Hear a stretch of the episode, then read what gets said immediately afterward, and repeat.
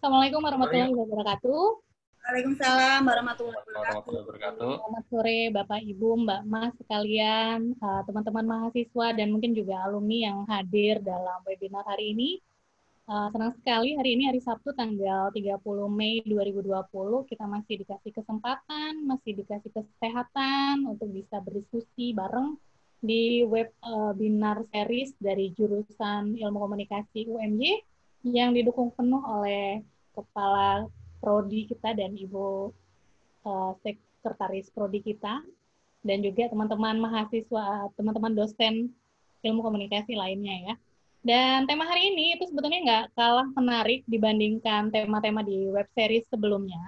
Hari ini kita akan ngebahas tentang uh, pola komunikasi pemerintah saat krisis corona ya. Dan hari ini sudah hadir bersama kita naras sebagai narasumber Ibu Dr. Adianti Nurjana yang akan menyampaikan paparannya. Nah, sebelum menyampaikan paparannya, izinkan saya memperkenalkan sedikit tentang Ibu Adianti Nurjana ya. Ibu Dr. Adianti Nurjana lahir di Aceh, tapi beliau besar dan tumbuh di Solo dan Yogyakarta.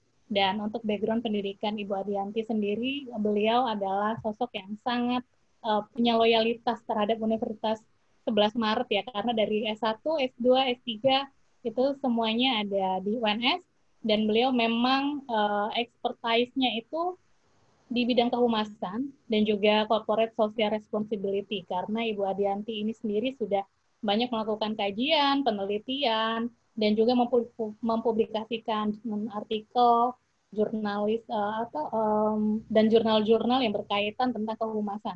Sehingga tema hari ini itu cocok dengan Bu Adianti karena objek penelitiannya juga lebih banyak melingkup di kehumasan terutama untuk humas di pemerintahan begitu ya. Sedikit perkenalan dari saya. Dan untuk teman-teman nanti boleh bertanya tapi pertanyaannya hanya disampaikan lewat chat ya dan diharapkan singkat saja. Dan nanti untuk di akhir uh, di akhir uh, tanya jawab akan ada door prize yang akan diberikan kepada penanya tiga penanya terbaik Oke, Bu Adianti kami persilakan hari ini Bu Adianti akan melakukan analisis tentang apa yang sudah dilakukan pemerintah Indonesia saat menghadapi krisis COVID-19 ini. Kepada Bu Adianti saya persilakan 30 menit. Monggo, Bu. Ya, baik. Terima kasih. Uh, Bismillahirrahmanirrahim. Assalamualaikum warahmatullahi wabarakatuh. Selamat sore teman-teman. Jadi saya terima kasih sekali ya di sini kepada Bapak Ibu dosen, Mbak dan Mas uh, dosen ilmu komunikasi yang sudah hadir meskipun kita hadirnya bisanya online gitu ya sekarang. Kemudian saya juga mengucapkan terima kasih sekali lagi kepada uh, Bapak Ibu Sutura ya, kepada Pak Arif, uh, kemudian Ibu Sofi yang telah memfasilitasi kegiatan uh, akademik ini gitu ya. Dan sangat luar biasa ternyata uh, respon dari mahasiswa, dari kita semua juga merespon dengan sangat baik. Kemudian yang ketiga saya juga mengucapkan terima kasih kepada seluruh peserta webinar ini ya, terutama mahasiswa-mahasiswa saya gitu ya yang bisa hadir di sini. Kemudian ada juga alumni dan juga ada teman-teman S3 saya ternyata juga ada nih ya yang bisa uh, kita bersilaturahmi sekarang. Baik, uh, sebelum saya memulai uh, karena ini masih dalam suasana Lebaran begitu ya, saya mengucapkan mohon maaf lahir dan batin dulu gitu ya. Uh, apa mudah-mudahan uh, amal ibadah kita di bulan suci Ramadan bisa diterima Allah Subhanahu wa taala. Amin. Kemudian hari ini begitu ya seperti yang disampaikan Mbak Friski tadi terima kasih untuk apa uh, sedikit perkenalannya begitu ya. Hari ini saya diminta untuk berbicara sebetulnya kita berdiskusi aja, kita santai saja sebetulnya ya untuk mendiskusikan 19 ini. Uh, saya hari ini di di dapur gitu ya, di, diminta oleh panitia untuk menyampaikan dengan tema pola komunikasi pemerintah. Nah, mungkin saya bisa langsung share screen ya, Mbak Friski ya. Baik, eh, teman-teman uh, uh, peserta webinar, kemudian teman-teman uh, semua begitu ya. Hari ini saya akan menyampaikan khusus terkait dengan bagaimana komunikasi krisis ya pemerintah saat pandemi COVID-19. Kita tahu semua bahwa uh, COVID-19 ini adalah merupakan uh, bencana begitu ya. Jadi isu yang sangat atau bencana COVID ini betul-betul kasus yang sangat mengglobal gitu ya hampir semua negara ini sekarang tergagap-gagap untuk mengatasi pandemi ini, termasuk juga Indonesia, gitu ya. Bayangkan uh, sampai hari ini, begitu ya, catatan dari WHO bahwa COVID-19 ini telah menjangkit di 213 negara, Jadi luar biasa sekali. Sehingga dampaknya betul-betul sangat terasa begitu ya. Bahkan uh, tidak hanya di bidang ekonomi saja begitu ya, tapi juga seluruh aspek kehidupan kita itu sangat uh, terlihat ya, uh, terasa sekali seperti halnya kita saat ini begitu ya. Hal-hal yang dulunya tidak uh, pernah kita lakukan begitu ya, sekarang semuanya serba online gitu ya. Bahkan uh, bertemu pun sekarang kita online. Bahkan kemarin pada saat libur apa lebaran gitu ya, kita bersalam-salaman pun online gitu. Nah, itu itu betul-betul uh, menjadi uh, sebuah catatan uh, di kehidupan kita masing-masing begitu ya. Selama puluhan tahun kita baru hari ini atau baru kali ini saja di tahun 2020 ya uh, apa namanya uh, apa namanya berlebaran dengan online seperti itu. Baik. Nah, uh, kasus corona ini memang tadi saya sampaikan merupakan krisis yang sifatnya global begitu ya dan ini memang negara superpower sekalipun seperti Amerika, kemudian Rusia, Inggris, Jerman, Prancis ini tak kuasa membendung hantaman COVID-19 ini ya. Bahkan negara-negara besar tersebut itu memang uh, Amerika contohnya ya, ini menduduki peringkat pertama ya. Sampai uh, saat ini hari ini saya tadi melihat bahwa sampai hari ini tingkat kematian atau jumlah kematian uh, apa namanya pasien COVID ya akibat COVID ini adalah 103 330 orang. Luar biasa sekali. Baik. Nah, saya akan bicara tentang COVID di Indonesia ya karena ini kita skupnya Indonesia kita akan melihat bahwa sebetulnya di Indonesia kasus COVID ini resmi diumumkan oleh pemerintah ini pada tanggal 2 Maret 2020 ya di mana pada saat itu ada dua warga Depok dinyatakan positif. Nah, meskipun demikian begitu ya eh, beberapa pihak khususnya waktu itu ada eh, Fakultas Kesehatan Masyarakat ya dari UI itu menyampaikan bahwa sebetulnya COVID ini sudah masuk pada awal Januari 2020. Nah, Hingga saat ini ya, eh, ini adalah data terbaru ya. Pada tanggal 29 Mei, kasus di Indonesia itu positif itu mencapai 25.216 kasus ya. Di mana uh, sejumlah 1.520 orang meninggal dunia. Kan tetapi ini juga ada hal uh, kita harus selalu optimis begitu ya bahwa 6.492 yang dinyatakan sembuh. Ya. Baik, saya akan lanjutkan. Baik, uh, sejak saat itu memang uh, pemerintah ya melakukan uh, apa namanya membentuk gugus tugas ya untuk betul-betul atau untuk percepatan penanganan COVID yang dibentuk pada tanggal 14 Maret 2020 ya dan wabah COVID-19 ini per April 2020 pada tanggal 13 April ini Presiden Jokowi menyampaikan bahwa ini adalah bencana nasional seperti itu. Nah, sehingga kita sampaikan bahwa COVID ini merupakan bencana sebetulnya ya, bencana yang sangat global dan sekarang ini bencana yang uh, sifatnya nasional. Kita semua merasakan dampaknya seperti itu.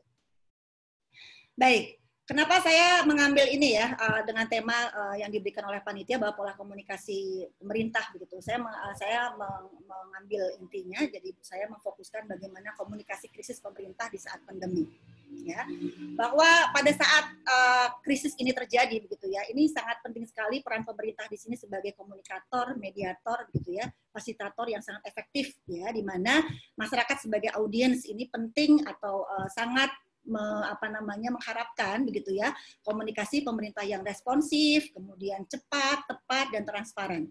Dan itu uh, sebetulnya harapan kita semua ya jadi bahwa uh, komunikasi ini uh, bisa dilakukan sebelum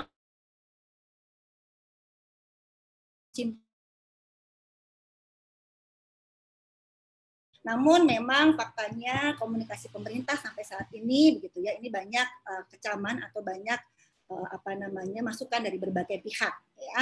Tapi dem, uh, meskipun demikian saya meng, uh, saya sampaikan di sini ya bahwa pemerintah sudah melakukan banyak hal ya. Jadi pemerintah tidak hanya diam, pemerintah juga sudah banyak melakukan hal-hal yang memang harus dilakukan. Ya, tetapi pada sore hari ini kita akan mencoba mendiskusikan bersama.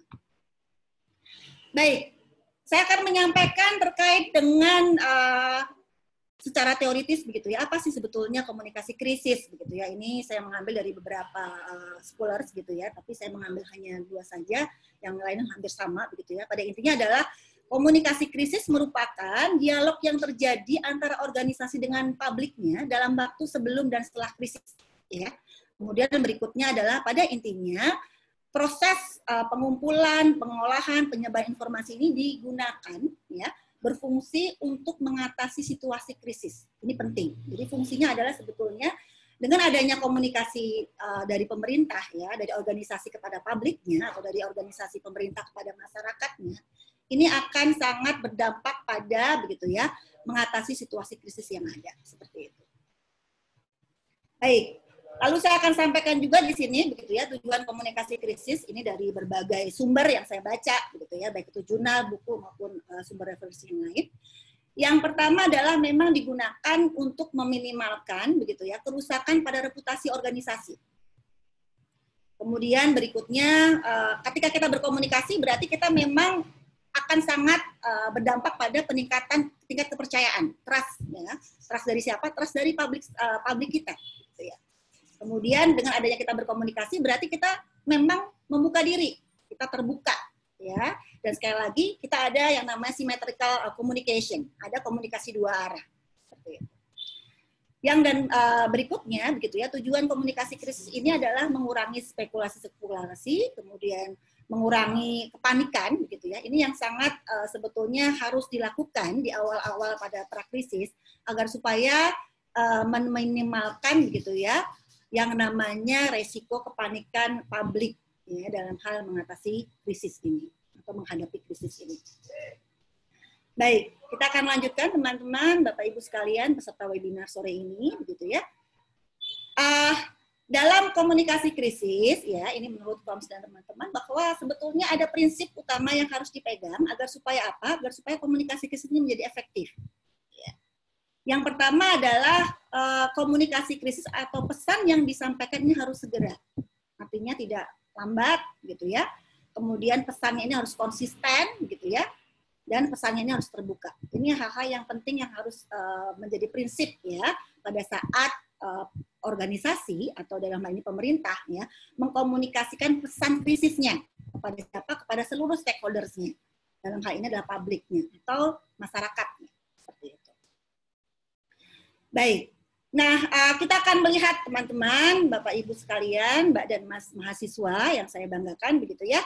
Ini ada fakta-fakta saat krisis. Sekali lagi saya uh, melihat dari awal begitu ya, dari saat uh, pra-krisis, kemudian uh, respon krisis sampai pasca krisis. Kita belum sampai ke pasca krisis. Karena sampai hari ini memang kita masih masuk ke pada saat bagaimana krisis ini terjadi gitu ya. Baik, saya akan menyampaikan di awal bulan Maret ya, benar-benar membuat pemerintah sangat tergagap-gagap gitu ya. Dan saya saya yakin memang ini semua kita rasakan gitu ya, khususnya Kementerian Kesehatan. Kenapa demikian? Karena waktu itu pemerintah sama sekali belum membuat protokol kesehatan gitu ya bagi warga dalam mengatasi uh, persebaran virus ini. Sementara jumlah kasus selalu uh, terus-menerus day per day itu meningkat. Ya. Seperti itu. Padahal uh, kita tahu bahwa gugus COVID itu atau gugus tugas percepatan penanganan COVID baru terbentuk bulan Maret Ya, padahal kita tahu sebetulnya bulan Januari itu COVID itu sudah masuk ke Indonesia. Baik, dan baru tanggal uh, eh, 13 April begitu ya, baru ditetapkan bencana nasional.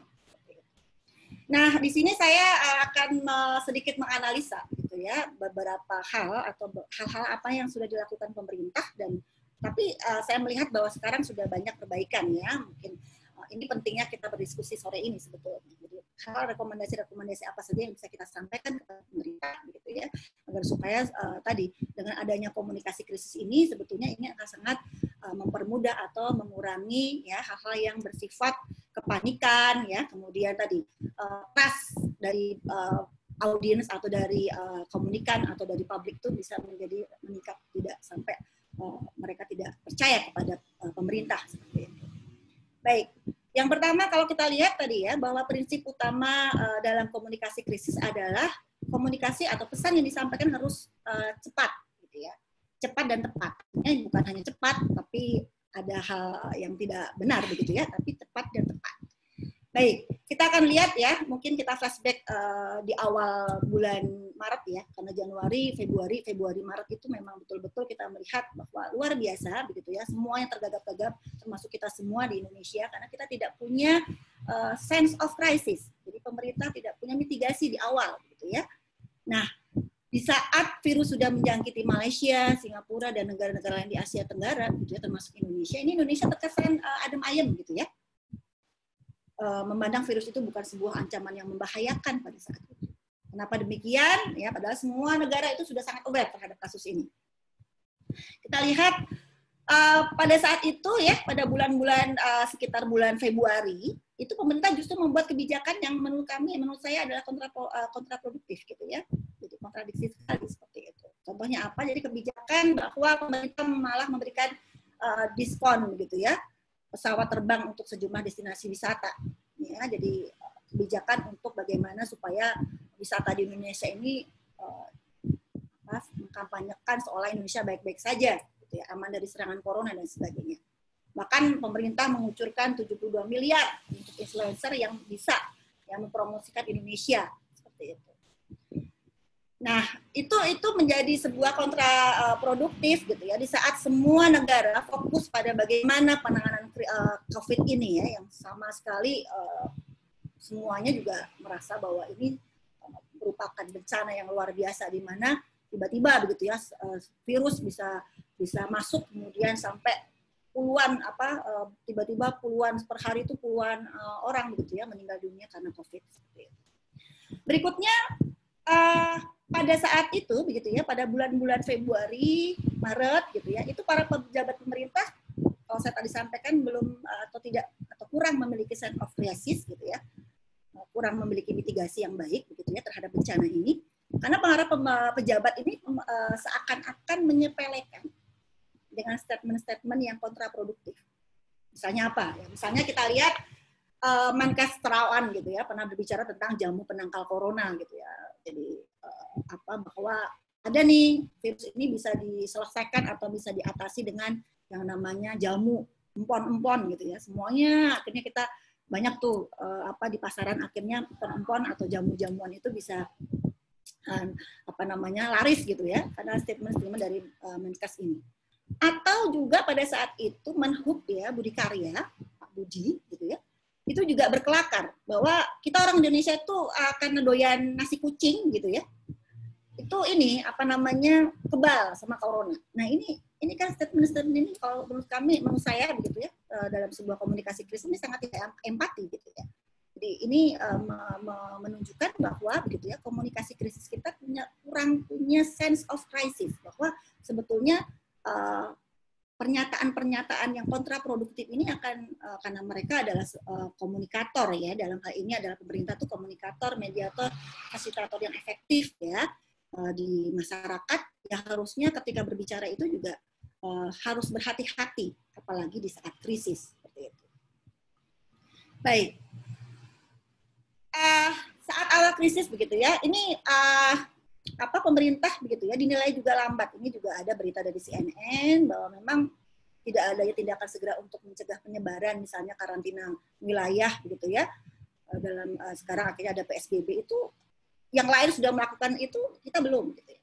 Kita masih tadi masih uh, sibuk dengan pariwisata kita, kemudian masih hal-hal lain yang memang sebetulnya kalau kita tahu bahwa itu sudah masuk ke tahapan prakrisis. Ya bahkan sudah ada beberapa uh, apa namanya kasus ya uh, masuk begitu ya itu kita sudah masuk ke tahapan krisis dan itu harus dikomunikasikan dengan tepat. Baik, uh, itu yang pertama. Kemudian uh, berikutnya saya akan sampaikan bahwa di sini pemerintah juga tidak konsisten. Ya banyak komentar dari pejabat pemerintah yang satu sama lain ini memang justru uh, berbeda begitu ya. Ini akan membingungkan masyarakat. Padahal justru menimbulkan tadi yang namanya komunikasi krisis itu satu mengurangi ketidakpastian, kemudian tidak membuat panik ya, termasuk tidak membuat masyarakat bingung. Apa contohnya gitu ya? Eh, kita lihat di sini ada saya mengambilkan dari dua eh, apa namanya media gitu ya bahwa Luhut itu juga menyampaikan PSBB bisa dilonggarkan. Sementara Jokowi itu sama-sama pemerintah loh ya, sama-sama pejabat pemerintah yang menyampaikan bahwa belum ada pelonggaran PSBB. Ini uh, dalam waktu apa namanya pada bulan yang sama ya eh, selisih berapa hari nih? 15 dan 15 tiga hari begitu ya itu statementnya berbeda sekali gitu. nah ini sering ya tidak hanya satu statement ya tidak hanya satu komentar-komentar para pejabat yang membuat uh, masyarakat menjadi bingung. Sebetulnya PSBB itu seperti apa gitu ya. Belum lagi gitu ya kita lihat uh, tentang polemik mudik dan pulang kampung. Nah itu juga itu juga ramai gitu ya Bahkan uh, Menhub sendiri memang uh, aturan mudik itu membingungkan. Ada yang boleh-boleh, boleh gitu ya. Ada yang bilang tidak boleh. ada yang bilang tidak boleh tapi transportasinya boleh karena transportasinya itu untuk uh, apa namanya mendistribusikan APD kemudian mendistribusikan hal-hal uh, lain gitu ya tapi tidak boleh untuk uh, apa mudik atau pulang kampung itu seperti apa mudik itu seperti apa ini membingungkan gitu ya. ingat masyarakat kita itu masyarakat yang sangat plural gitu ya tidak sama gitu ya bahkan uh, banyak gitu ya pernyataan-pernyataan atau bahasa-bahasa atau pesan komunikasi krisis dari pemerintah ini disampaikan dengan menggunakan bahasa yang sangat elitis. Contohnya apa? Social distancing, physical distancing. Saya pernah begitu ya. Satu saat pada saat awal-awal itu pembantu rumah saya begitu uh, uh, Mbak di rumah saya itu bertanya ke saya gitu ya. Bu, kalau kok buatan ngertos gitu, mau foto physical distancing, social distancing niku gitu ya.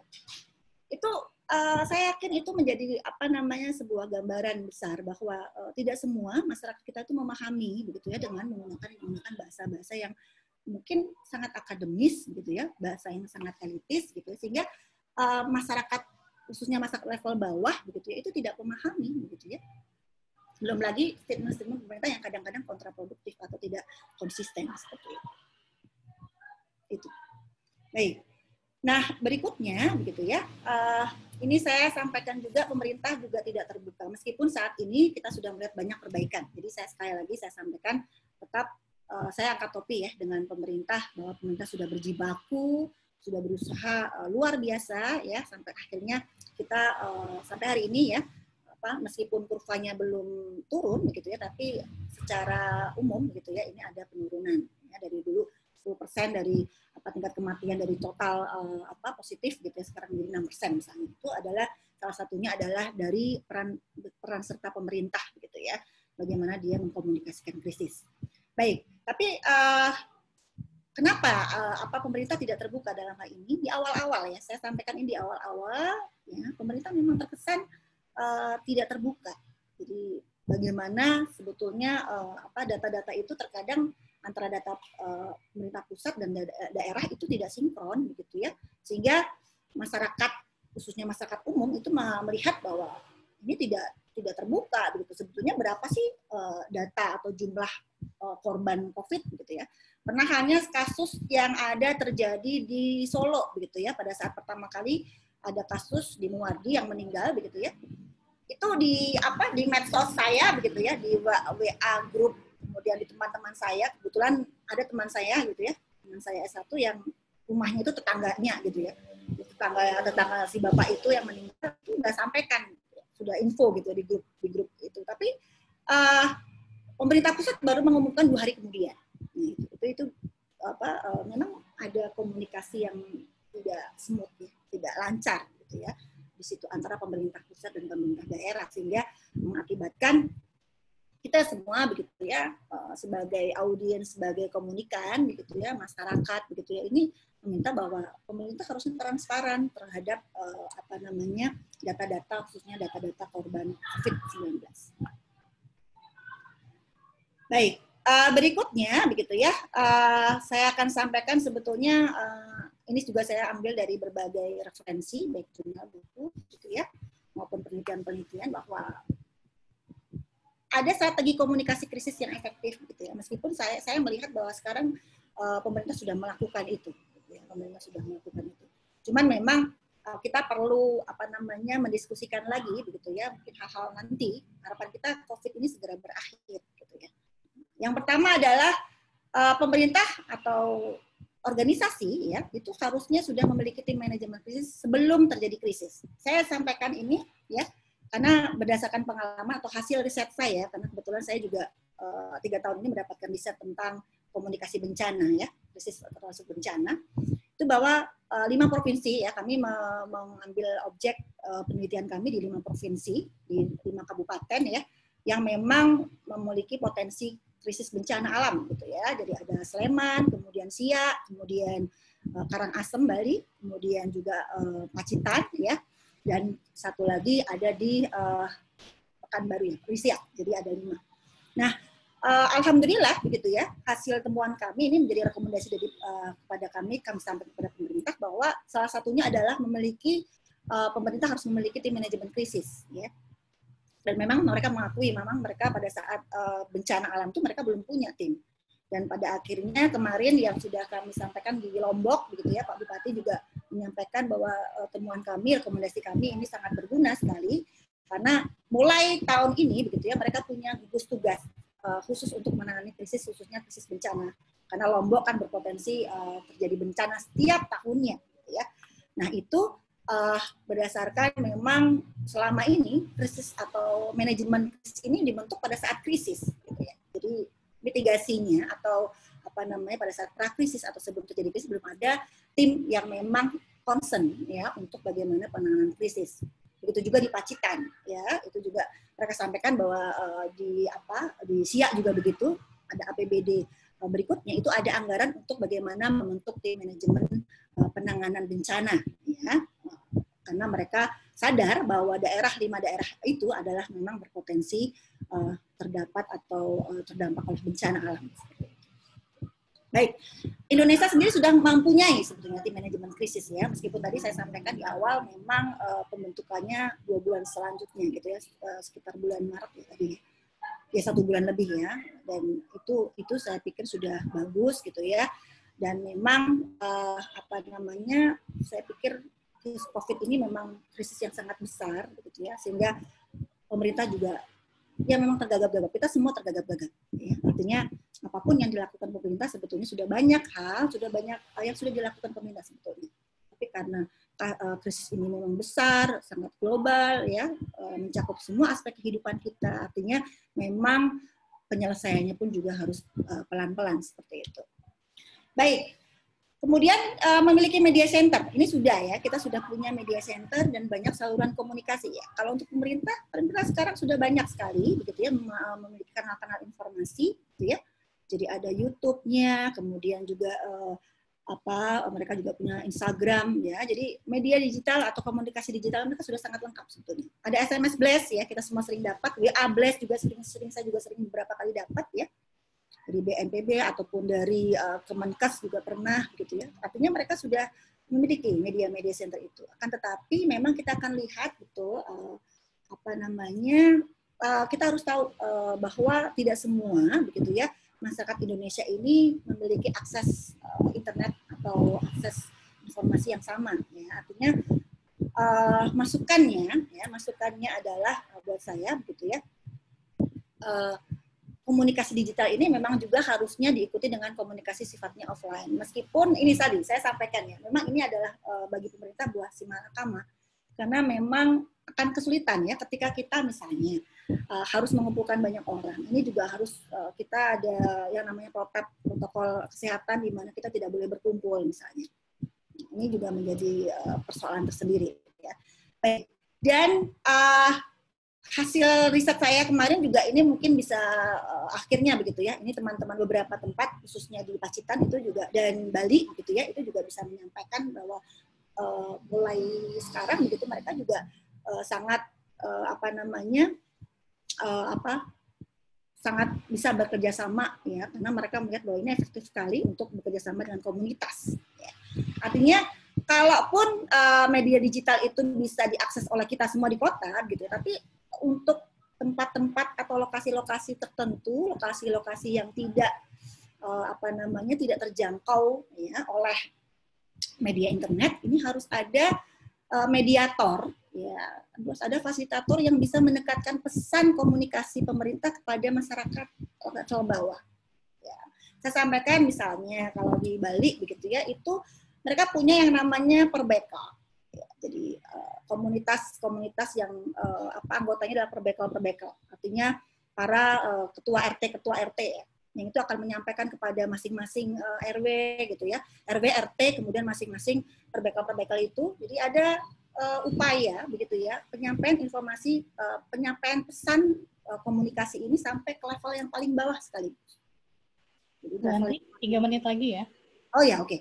Kemudian tadi ya, uh, setelah itu tadi saya sampaikan juga mungkin kalau di uh, apa namanya tadi perbaikan di Bali kemudian di Jogja ini di Sleman itu ada yang namanya kaum ya atau uh, apa namanya takmir masjid ini juga ternyata efektif sekali artinya kita bisa membuat uh, bentuk komunikasi tidak hanya digitalize gitu ya karena memang masyarakat kita banyak juga yang tidak bisa mengakses uh, komunikasi informasi dengan menggunakan digital. Baik, kemudian kumpulkan fakta. Siapkan pernyataan pada publik yang dengan berhati-hati ya. Satu suara. Ini saya sampaikan sekaligus saja. Jadi harus ada one uh, one gate communication. Artinya komunikasi itu satu pintu gitu ya. Jadi tadi uh, ada agak, agak agak lucu gitu ya ketika Pak Presiden bicara bahwa boleh tidak boleh mudik, kemudian menterinya boleh mudik. Itu kan artinya ada dua ada dua statement yang berbeda dalam satu pintu begitu. Tidak menitip informasi, satu hak suara dan yang tadi komunikasi empati dan reputasi artinya komunikasi ini misalnya uh, ketika kita menyampaikan pesan-pesan krisis komunikasi jangan misalnya kita menggunakan uh, apa menyampaikan identitas uh, apa penderita gitu tanpa konfirmasi atau menyampaikan atau minta izin dari apa korban misalnya itu adalah bentuk empati ya. Kemudian kalau reputasi sekali lagi ya komunikasi yang terpercaya. Artinya setiap komunikasi yang kita sampaikan itu berbasis data ya.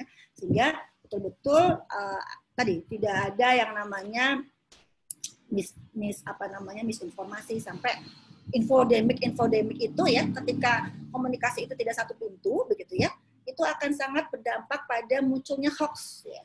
Tadi juga berpengaruh juga munculnya hoax sampai awal-awal krisis kemarin kan hoax itu bermunculan di mana-mana bahkan sudah masuk sampai grup masing-masing grup itu sudah ada gitu ya grup WA itu luar biasa sekali karena kalau kita tidak selalu tabayun, kita tidak ter, apa kita uh, tidak terlalu hati-hati ya kita bisa termakan hoax gitu ya.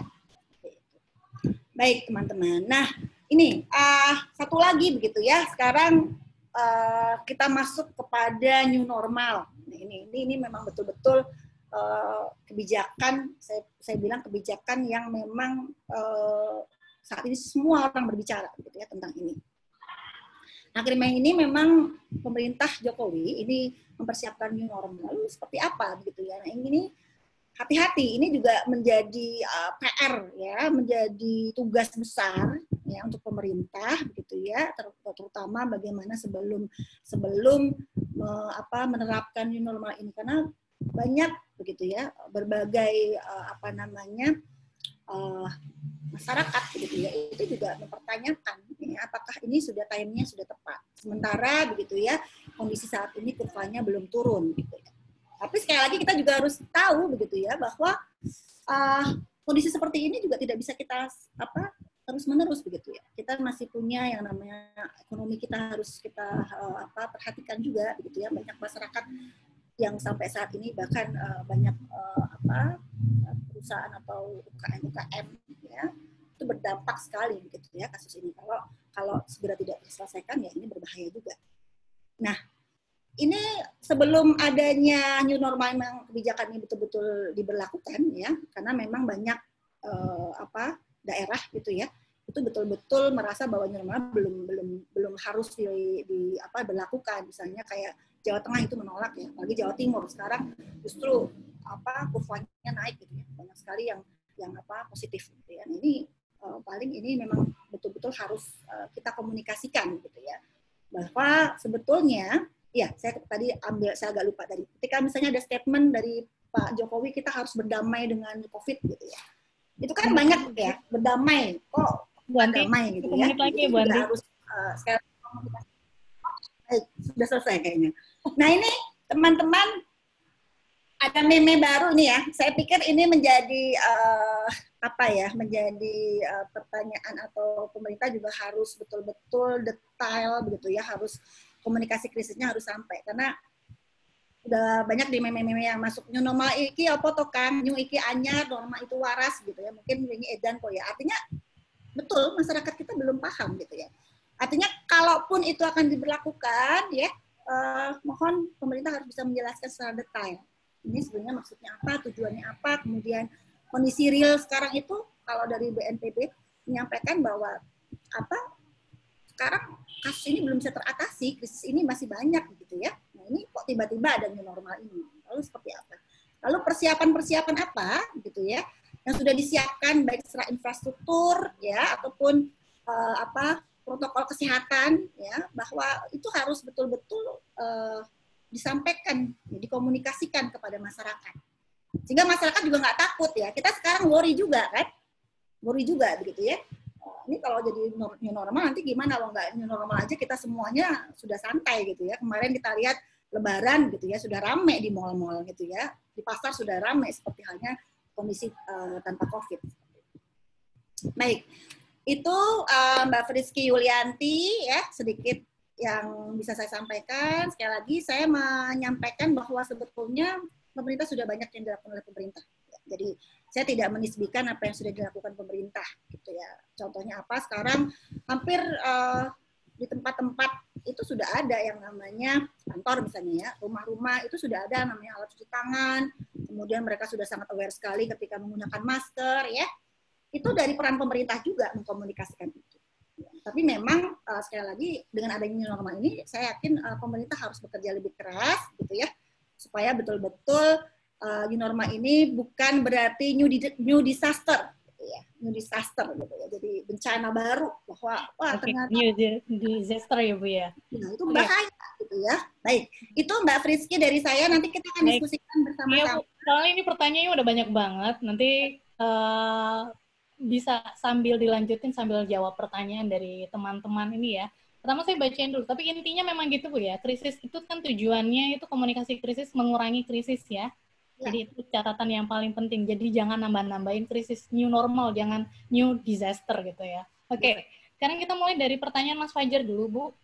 Ya. Uh, Mas Fajar nih nanya, saya melihat bahwa ada informasi yang pemerintah itu kan tadi beda ya, yang ibu bilang nggak ada konsisten gitu antara satu dengan yang lain. Satu bilang mudik, satu bilang atau pulang kampung, satunya nggak boleh gitu. Dan itu sering aja terjadi. Menurut ibu nih, uh, apakah sampai sekarang pemerintah tuh kayak belum menyiapkan sistem komunikasi atau yang tadi ibu bilang mitigasi bencana untuk hal seperti ini gitu? Atau mau dibacain dulu bu tiga dulu gitu ya, biar langsung di. Dulu ya mas, mbak Nah, gimana? Ya dibacain dulu aja Mbak. Bacain dulu ya. Jadi pertama itu. Jadi kalau apakah menurut Ibu memang karena nggak ada mitigasi komunikasi di pemerintahan?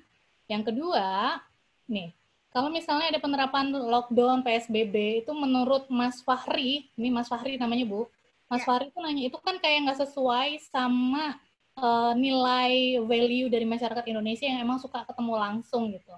Nah, dalam hal itu langkah apa nih yang harus dilakukan untuk mencegah perkembangan kayaknya perkembangan corona ya ini ya perkembangan corona di Indonesia seharusnya pemerintah ngapain kemudian pertanyaan ketiga di sesi uh, ketiga terakhir ya di sesi ini itu dari Mas Oktariandi yang nanya apakah menurut ibu kebijakan new normal ini jadi solusi terbaik untuk melawan krisis corona ya atau sebetulnya selain new normal itu ada solusi yang lain walaupun ya mungkin itu bukan kajian kehumasan sebenarnya. Monggo Bu, silahkan. Ya baik, terima kasih teman-teman tiga penanya. Ini mahasiswa-mahasiswa saya ya, luar biasa ini. Berarti menyimak gitu ya. Nanti uh, saya kasih nilai A gitu ya. baik, terima kasih untuk Mas Fajar, kemudian Mas Fahri gitu ya. Baik. Ya kalau tadi dibilang uh, Mas Fahri bahwa apakah memang betul gitu ya pemerintah tidak ada mitigasi sehingga sering uh, terjadi apa ya pernyataan-pernyataan yang kontraproduktif gitu ya. Kalau menurut saya uh, iya. Jadi kalau menurut saya buat saya memang uh, pemerintah memang meskipun ya sekali lagi saya sampaikan bahwa pemerintah sudah melakukan banyak hal, tapi tetapi sekali lagi uh, kita sampaikan di sini bahwa mitigasi itu harusnya di awal gitu ya, di awal uh, pada saat prakrisis itu perlu adanya mitigasi bencana. Artinya tadi ketika ada simptom-simptom ataupun ada uh, apa namanya ada tanda-tanda begitu ya bahwa tadi sudah ada di berbagai dunia belahan dunia itu sudah sangat aware dengan bagaimana sih supaya kita itu memang terhindar dengan uh, virus ini. Kita harus menjaga kebersihan kemudian kita harus menghindari yang namanya apa namanya kerumunan kemudian kita mempersiapkan infrastruktur kita APD dan sebagainya. Itu harusnya kita uh, di awal begitu ya kita sudah siap artinya ketika krisis itu terjadi begitu ya itu akan sangat uh, apa namanya kita tidak terlalu ya saya bilang tidak terlalu tergagap-gagap ya seperti itu. Meskipun sekali lagi uh, tidak ada kata terlambat buat saya begitu ya. Tapi saya yakin pemerintah saat ini sudah melakukan banyak perubahan gitu ya. Banyak apa namanya uh, perubahan ya. Artinya pastinya sekarang kita sudah melihat ya. Sekarang setiap uh, day per day ya Pak Ketua Gugus Covid ya kemudian uh, sebagai jubir ya itu mereka semuanya setiap hari menyampaikan mengkomunikasikan perkembangan COVID gitu ya. Itu saya pikir itu menjadi hal yang baik gitu ya. Kita sudah tahu artinya pemerintah juga berusaha menyampaikan atau terbuka ya kepada uh, publik khususnya kepada masyarakat. Ya. Dan ini per, perlunya begitu ya kita melakukan mitigasi. Ya, saya sampaikan kasus-kasus atau uh, tadi hasil riset saya karena kebetulan saya mengambil riset tentang komunikasi bencana begitu ya bahwa memang beberapa uh, khususnya pemerintah itu memang belum menyiapkan gitu ya belum menyiapkan uh, tim khusus untuk uh, apa mitigasi bencana ini dan pada akhirnya sekarang mereka sudah ada mereka bekerja sama dengan uh, para para tokoh agama, tokoh masyarakat, ya, kemudian tadi uh, pihak-pihak atau komunitas yang peduli bencana itu sangat berdampak baik, ya. ya. Artinya uh, mereka di lapangan itu yang tahu sekali bagaimana sebetulnya mitigasi itu bisa dilakukan, ya, ketika memang misalnya apa namanya uh, apa gunung gitu ya, gunung itu atau kita bicara di apa di Karangasem gitu ya, Gunung Merapi itu sudah akan uh, meletus gitu ya, atau akan melakukan erupsi itu teman-teman apa teman-teman uh, pasebaya itu karena mereka yang di lapangan gitu. Itu kadang informasinya lebih cepat sampai di masyarakat daripada humasnya. Ya artinya enak ini memang uh, harus ada mitigasi gitu ya sebelum atau uh, sebelum terjadi krisis atau prakrisis. Itu ya Mbak Friski ya. Kemudian tadi Fahri gitu ya lalu apa langkah pemerintah gitu ya? Uh, apa yang dilakukan pemerintahnya harus ngapain gitu ya saya pikir pemerintah sekarang sudah melakukan banyak hal, Mbak. Kita uh, kalau saya begitu ya, saya menyampaikan bahwa ini butuh social engagement. Ya, artinya butuh peran serta partisipasi masyarakat kita. Jadi pemerintah kita nggak bisa gitu ya, kita hanya mengandalkan pemerintah. Pemerintah harus melakukan banyak hal sampai misalnya ya apa namanya pemerintah harus memberikan uh, apa bantuan gitu. Kita sudah luar biasa ya, kita diberikan bantuan BLT gitu ya pada masyarakat terdampak yang memang karena Covid ini mereka tidak bisa berpenghasilan. Tapi ya ini harus bisa uh, menjadi sebuah kesadaran sosial bahwa kita ketika kita terjadi krisis apa yang kita lakukan gitu ya. Jadi jangan sampai malah justru begitu ya ketika krisis ada BLT kita malah beli baju ya beli baju gitu ya beli kebutuhan-kebutuhan uh, sekunder bahkan tersier gitu ya tidak masuk kepada kebutuhan pokok. Artinya uh, yang harus dilakukan pemerintah ini sudah sudah on the track saya pikir ya. Pemerintah sekarang sudah mengkomunikasikan setiap perkembangan covid ini sudah melakukan apa namanya komunikasi krisis sudah punya banyak saluran komunikasi begitu ya. Dan akan tetapi memang ya yang saya lihat sekarang ini uh, apalagi di apa di kebijakan new normal ini adalah butuh peran serta masyarakat. Ini yang harus uh, kita garis bawahi. Masyarakat sebagai uh, komunikan gitu ya, ini harus sadar betul bahwa kita tidak bisa hanya berpangku pada pemerintah saja. Kita harus sadar bahwa ketika kebijakan new normal itu memang harus diberlakukan, kita harus satu yang namanya uh, mematuhi yang namanya protokol kesehatan. Kita tetap ya harus kalaupun tidak uh, penting tidak harus keluar rumah misalnya. Ya, kita tetap harus menjaga jarak misalnya. Ya, kita harus tetap menjaga kebersihan, uh, tetap menjaga stamina dan sebagainya. Karena sekali lagi tadi berdamai dengan COVID itu bukan berarti kita harus berdamai, tapi berdamai dengan kenyataan begitu ya bahwa COVID ini masih ada di sekitar kita dan ini cukup lama gitu ya. Berdamai itu dalam arti ya karena kadang-kadang statement pemerintah itu yang membuat uh, apa masyarakat itu menjadi bingung.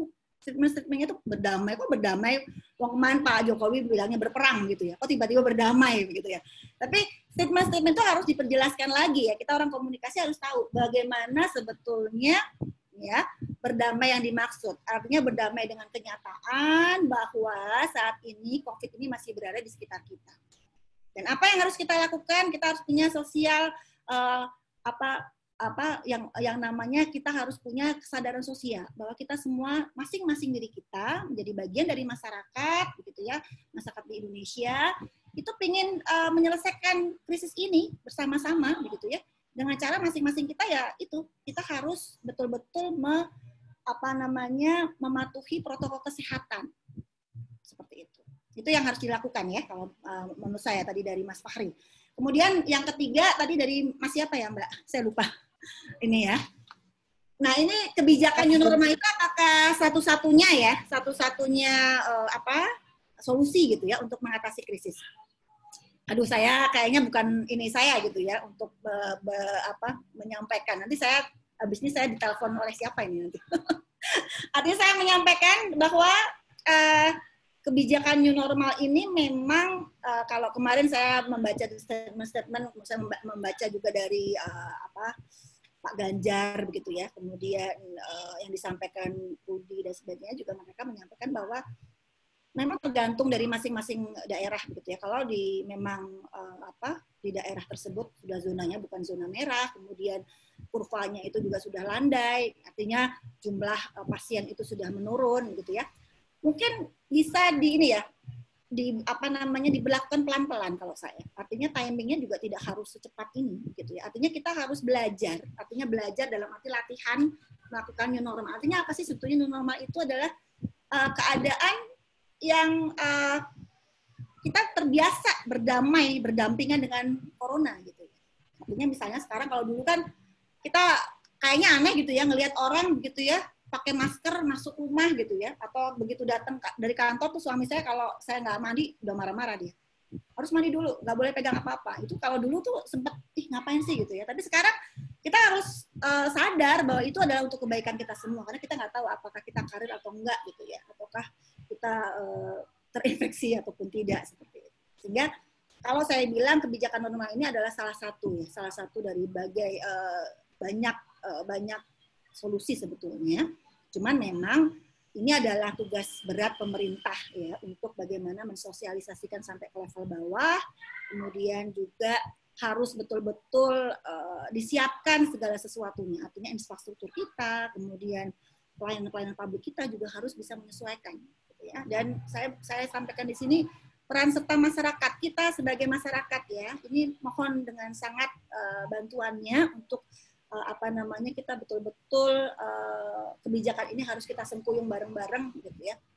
Tapi dengan berhati-hati, artinya kita juga harus sadar bahwa ini adalah untuk uh, kita semuanya. Artinya ya kita harus uh, bukan berarti begitu normal kita langsung mau ke mall gitu ya, langsung mau apa namanya lupa bahwa sekarang kita ini harus berdamai, berdamai bahwa berdamai dengan kenyataan bahwa sampai hari ini virus corona ini masih ada. Gitu kita tetap harus waspada ya. Jadi panik jangan terlalu panik tapi waspada harus. Jadi itu beda tipis ya kalau buat saya. Tapi buat saya ini penting bahwa kita harus betul-betul waspada gitu ya. Waspada bahwa dan sadar uh, bahwa begitu ya kita ini masih uh, dikelilingi oleh virus ini. Jadi meskipun nanti kebijakan ini betul-betul kebijakan yang akan diterapkan oleh pemerintah, tetap kita harus mematuhi protokol kesehatan. Seperti itu Mbak Rizky. Oke, baik Bu. Uh, ini ada pertanyaan bagus nih dari Mbak Reza Nur Oktaviani ya Bu ya. Uh, dia mau tanya, kan banyak orang yang menilai bahwa pemerintahan Jokowi itu menutup-nutupi informasi tentang corona ya Bu ya. Walaupun akhirnya Pak Jokowi melalui YouTube channelnya Natswa Sihab itu menyampaikan bahwa beliau bukan menutup-nutupi tapi tidak mau membuat masyarakat itu panik gitu. Jadi menurut Ibu sendiri bagaimana cara membedakan antara keterbukaan informasi publik tapi juga untuk dapat mengurangi uh, kepanikan publik. Itu yang pertama. Uh, dari Mbak Reza. Ini saya agak gabung-gabungin ya, karena pertanyaannya tuh hampir sama sebetulnya. Sama uh, Mbak Alenda, Al Aleida, Mas Kemal, dan Mas Iksan ya, terakhir tadi. Sebentar, nanti saya gabung jadi satu. Intinya tuh pertanyaannya adalah, karena komunikasi yang tidak sinkron satu sama lain, yang tidak konsisten satu sama lain gitu. Apakah ini sebagai satu tanda ya atau indikator bahwa sebetulnya praktisi PR itu tidak terlalu dianggap sebagai um, senjata atau tidak dianggap penting gitu di level pemerintahan karena kita tahu sendiri ya Bu ya yang menjadi juru bicara COVID sendiri itu kan backgroundnya adalah dokter gitu. Apakah memang dokter yang yang lebih merepresentasikan permasalahan ini atau memang perlu dicari orang yang bisa mengkomunikasikan walaupun backgroundnya bukan uh, komunikasi atau bukan PR, tapi bisa menyampaikan pesan itu lebih lebih punya empati gitu ya. Nah, sehingga menyimpulkan uh, berkurangnya trust terhadap pemerintah dan lain sebagainya. Menurut Ibu itu seperti apa? Dan uh, ini dari Mbak Sofia Hasna ya, yang ketiga Bu.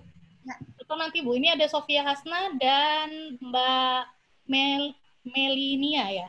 Itu aja dulu Bu, dijawab itu dulu sambil nanti kita buka sesi terakhir dari Mbak Sofia sama Mbak Melinia. Mbak Friski nanti saya kalau ada yang lupa saya diinfo lagi ya. Oh ya, oke okay, oke. Okay. Oke, okay, baik. Kayaknya saya ada ada ada kelupaan gitu ya. Kalau tadi misalnya okay. yang terakhir ya, jadi saya uh, saya sepakat gitu ya bahwa kemarin juga saya sempat nonton tuh di acaranya Rosi gitu ya. Uh, Bang Ande Ade Armando itu juga sampaikan bahwa butuh yang namanya orang komunikasi sebetulnya. Jadi kadang kalau kita lihat ya ketua gugusnya juga bukan orang komunikasi, kemudian apa nama jubirnya juga bukan gitu ya. Bukan bukan saya bilang bahwa orang komunikasi itu bisa gitu bukan juga. Tapi artinya memang uh, butuh uh, apa ya uh, keterampilan berkomunikasi ya supaya bisa menyampaikan pesan-pesan komunikasi krisis ini kepada masyarakat yang memang betul-betul dipahami begitu. Jadi pesan-pesannya itu harus dipahami mudah dimengerti begitu ya. Kalau tadi social distancing itu apa sih gitu ya itu saya saya uh, dalam hal ini saya angkat angkat uh, jari gitu ya dengan uh, pemerintah atau apa wali kota wali kota kita yang memang sudah sangat paham sekali bagaimana masyarakat sekitar. Jadi misalnya kalau kayak kemarin saya juga di Solo itu kan sempat ke Solo ya. Itu di sana sangat ini sekali ya apa namanya uh, sangat terkenal banget iklannya uh, apa namanya Pak Rudi gitu ya Pak Wali Kota itu tentang Manuto, Do Manuto gitu ya. Itu tuh banyak gitu ya. Jadi itu di YouTube juga banyak. Jadi do manuto kalau ibaratnya manut, manut itu kan bahasa Jawa gitu. Ya. Jadi menggunakan eh, bahasa-bahasa yang mudah dimengerti oleh masyarakat. Gitu ya. Jadi do manuto bahwa kalau kowe kui pengen uh, apa uh, COVID iki hilang, do manuto gitu ya. Itu itu itu salah satu cara buat saya salah satu cara untuk tadi uh, sebagai pemerintah, sebagai komunikator yang efektif itu bisa me, me, apa ya, merepresentasikan apa mengartikulasikan pesan-pesan yang ingin disampaikan kepada pemerintah sehingga sampai uh, apa yang dipahami oleh uh, sesuai dengan yang dipahami oleh masyarakat gitu. Jadi masyarakat nggak bingung lagi begitu ya seperti itu. Kemudian juga misalnya kita lihat uh, apa namanya Ganjar gitu ya. Banyak sekali YouTube-YouTube dia menggunakan bahasa Jawa misalnya. Kemudian dia juga menggunakan kampanye-kampanye butuh social campaign. Menurut saya kita butuh social campaign yang memang uh, menyesuaikan dengan uh, tadi tingkat misalnya tingkat masyarakat, tingkat pendidikan masyarakat, tingkat pengetahuan masyarakat, kemudian menggunakan bahasa-bahasa yang lugas ya, bahasa lugas dan bahasa yang mudah dipahami, mudah dimengerti oleh masyarakat kita ya. Sampai tadi ada meme bahwa so, apa uh, new normal ki opotokan itu kan sebuah meme yang sebetulnya kalau kita lihat itu menyentil pemerintah gitu ya. New itu baru, normal itu waras. Berarti kemarin edan gitu kan. Nah, itu kan ini ini bahasa-bahasa eh, bahasa-bahasa yang harus betul-betul bisa dikemas oleh pemerintah, kemudian bisa disampaikan melalui social campaigns ya, dan dengan bahasa yang sangat mudah dipahami oleh masyarakat. Itu yang eh, yang diperlukan. Dan mungkin orang komunikasi yang bisa, ya kayak Mas Erwan, Mas Budi gitu ya, itu itu jago kayak gitu ya. Untuk mengemas sebuah pesan menjadi pesan yang tadinya sangat elitis pesan-pesan yang susah dimengerti jadi paham. Oh ya manuto masuk kalau apa nggak penting nggak usah keluar rumah gitu ya. Terus kemudian ada uh, apa Pak Ganjar itu punya uh, punya ini ya mereka cara-cara untuk mengkomunikasikan sosial campaign dia misalnya dengan cara uh, menyampaikan dalam bentuk kaos nyedak keplak gitu ya. Jadi kalau mendekat keplak artinya kita nggak boleh dekat-dekat gitu ya. Itu sosial uh, physical distancing gitu ya. Kemudian juga uh, apa maskeran. Dia bikin dibikin ini. Itu keren menurut saya. Jadi maskeran artinya mas keren, dibikin mas keren. Jadi kalau orang pakai mas-mas pakai uh, masker itu bakal keren. Artinya dengan bahasa-bahasa itu itu menarik gitu. Itu yang dilakukan pemerintah. Banyak pemerintah-pemerintah khususnya pemerintah daerah. Mungkin pemerintah pusat melakukan uh, tadi bahasa-bahasa langit kalau saya bilang susah dipahami. Nah ini tugas pemerintah daerah. Itu butuh butuh orang-orang seperti itu dan orang komunikasi itu sebetulnya. Sayang kita memang kalau dibilang apakah PR gitu ya humas itu tidak dilihat mungkin iya kalau saya. Di pemerintah pun kita sudah tahu ya Mbak Friski, uh, kebetulan saya dan Mbak Friski itu kajiannya sama. Saya sering banget uh, berteam up dengan beliau, tapi beliau sekarang meninggalkan saya. Gitu ya. sudah jauh di sana, jadi bahkan beberapa penelitian kita memang betul-betul begitu ya. Humas pemerintah itu di pemerintah hanya berfungsi secara teknis saja, ya, belum uh, masuk ke apa level-level strategis. Ini menjadi buat teman-teman ini banyak anak mahasiswa komunikasi, mahasiswa saya ya, ini menjadi peluang sekaligus menjadi ancaman gitu ya buat kalian semua. Kalian harus punya kompetensi ya sehingga betul-betul uh, kita nggak dipandang sebelah mata. Emas itu penting gitu ya, apalagi bagaimana mengkomunikasikan sebuah krisis. Gitu. Itu ya Mbak, yang untuk tadi. Kemudian uh, apa lagi ya? Ada dua tadi. Tadi, tadi Bu, uh, ini Bu, um, ap, gimana cara ngebedain antara informasi publik dengan mengurangi apa namanya kepanikan. Jadi, uh, jadi bohong white lie-nya gitu. Padahal itu sebetulnya perlu buat publik, tapi supaya nggak panik kan, akhirnya nggak diomongin gitu. Menurut Ibu itu gimana sih cara ngebedainnya? Atau kita kalau besok jadi humas gimana nih cara memposisikan diri untuk memisahkan antara oke okay, ini informasi yang publik emang perlu, ini adalah informasi yang publik mungkin perlu tapi harus disimpan supaya nggak semakin panik ya. Menurut Ibu gimana? Ya, uh, kalau saya begitu ya, menurut saya memang komunikasi apa uh, pesan ini harus disampaikan transparan. Artinya apa pun itu adalah kenya, sebuah kenyataan. Kita pakai data ya, jadi tetap itu kita terbuka. Akan tetapi sekali lagi sampaikan juga uh, ini ya, apa tidak cuman kadang-kadang saya tuh merasa begitu. Saya beberapa waktu lalu ketika COVID itu pas mulai uh, merebak merebaknya itu saya nggak mau nonton TV. Bahkan saya nggak mau cerita. Kadang saya kebetulan suami saya kan wartawan gitu. Saya nggak mau tanya uh, di Jogja tuh berapa sih sekarang ininya uh, ODP, PDP gitu ya. Saya nggak mau gitu. Saya sempat stres sendiri gitu ya. Tapi uh, memang ya caranya adalah supaya tidak menyampaikan hanya sebuah kepanikan. Ya kita juga sampaikan juga bahwa ternyata dari sekian pasien itu juga ada yang sembuh loh. Gitu. Itu yang saya lihat kok kurang ya, khususnya di media gitu ya. Jadi yang yang yang selalu disampaikan itu justru yang jumlah positif, jumlah meninggal gitu ya, serem gitu ya bahkan uh, itu menjadi sebuah kepanikan kita. Gitu. Tapi bisa dong misalnya dari sekian ini ternyata uh, dibikin success story bahwa uh, infodemi ini memang sebetulnya bisa kok sembuh gitu ya. Coba dibanyakin itunya juga gitu ya. Jadi berimbang gitu ya. Jadi jangan jangan cuma info-info yang uh, tadi kesannya itu menakutkan, membuat panik ya. Tapi uh, kita tetap waspada. Kita harus waspada, tapi tidak boleh panik berlebihan. Itu Mbak Friski. Oke, baik Bu. Ini ada dua penanya terakhir ya Bu ya, karena ini sudah jam 4 lewat 12. Oke, jadi ada Mbak Sofia Hasna. Ini uh, alumni kita Bu. Ya, selamat sore Sofi. Uh, Halo, dia sedang, sedang melakukan penelitian juga. Uh, dia menggunakan pakai teori Stephen Finks yang intinya tuh menyampaikan bahwa pemerintah Indonesia itu sudah terlambat kan dibandingkan sama daerah-daerah lain atau negara lain gitu. Um, kemudian untuk menanggapi fenomena ini gitu sebetulnya apa yang harus dilakukan? Karena dianggap sudah terlambat tadi bagaimana cara dia up gitu untuk mengejar ketertinggalan dibandingkan negara lain? Karena memang hambatannya luas ya karena negara kita mungkin politiknya beda demografisnya beda geografisnya beda tapi monggo ya uh, ibu nanti uh, itu kemudian ada mbak Melinia Mbak Melinia menanyakan bahwa ini kan katanya pemerintahan pusat dan Pemda itu memutuskan akan menetapkan new normal gitu. Padahal setiap daerah itu kan uh, strateginya beda ya dan kesiapannya masing-masing berbeda. Nah, bagaimana uh, kita sebagai masyarakat ataupun mahasiswa untuk menghadapi perbedaan itu cara cara menghadapinya tuh kayak apa nih dari dari perbedaan dari Pemda kesiapan uh, Pemda atau Pemkotnya juga ya Bu ya Oke, itu Bu pertanyaannya ya. dulu itu ya. Ya, uh, untuk Sofia gitu ya. Selamat ya Sofia ya. Wah, kamu udah mulai riset nih. Ini baru kayaknya baru kemarin minta ini ya, minta rekomendasi saya untuk kuliah S2 udah bikin riset gitu. Luar biasa gitu ya. Baik, uh, Sofia, kalau buat saya tidak ada kata terlambat.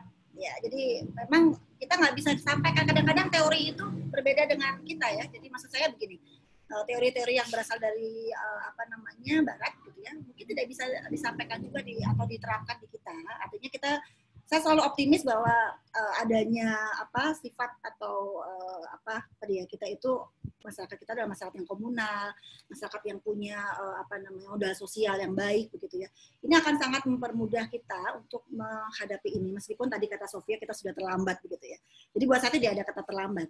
Begitu ya Sofia ya. Jadi uh, tapi tetap tadi modal sosial yang kita punya kita adalah masyarakat yang komunal yang kita bergotong royong yang baik kemudian kita sangat uh, apa namanya uh, tolong menolongnya baik artinya ketika ini memang betul-betul bencana ini kita rasakan semua semua aspek kehidupan kita merasakan tolong kita bersama-sama memerangi covid ini begitu ya uh, dengan cara kita masing-masing. Artinya dengan bagaimana cara kita mengurangi persebaran virus ini.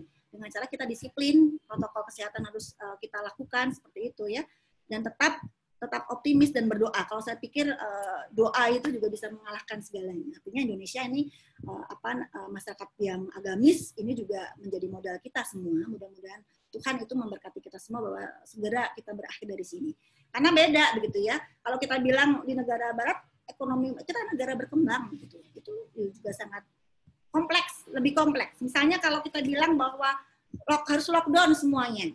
Pemerintah kita uh, apa nggak akan memperlakukan seperti itu karena banyak begitu ya banyak masyarakat masyarakat khususnya level bawah yang memang bekerja harian yang sangat tergantung ketika mereka uh, tidak keluar rumah mereka nggak bisa makan gitu ya. lalu misalnya sekarang pemerintah harus apa namanya membantu mereka berapa tahun gitu ya sampai berapa bulan gitu ya berapa ribu begitu ya karena sangat berbeda. Tingkat ekonomi kita juga berbeda. Artinya memang ini menjadi uh, eh, PR kita semua. Artinya kita sebagai masyarakat saja uh, harus memiliki tadi social engagement, ya kesadaran sosial yang tinggi bahwa ini adalah masalah kita semua. Mari kita selesaikan bersama-sama dengan cara kita, begitu ya, uh, taat pada protokol kesehatan seperti itu.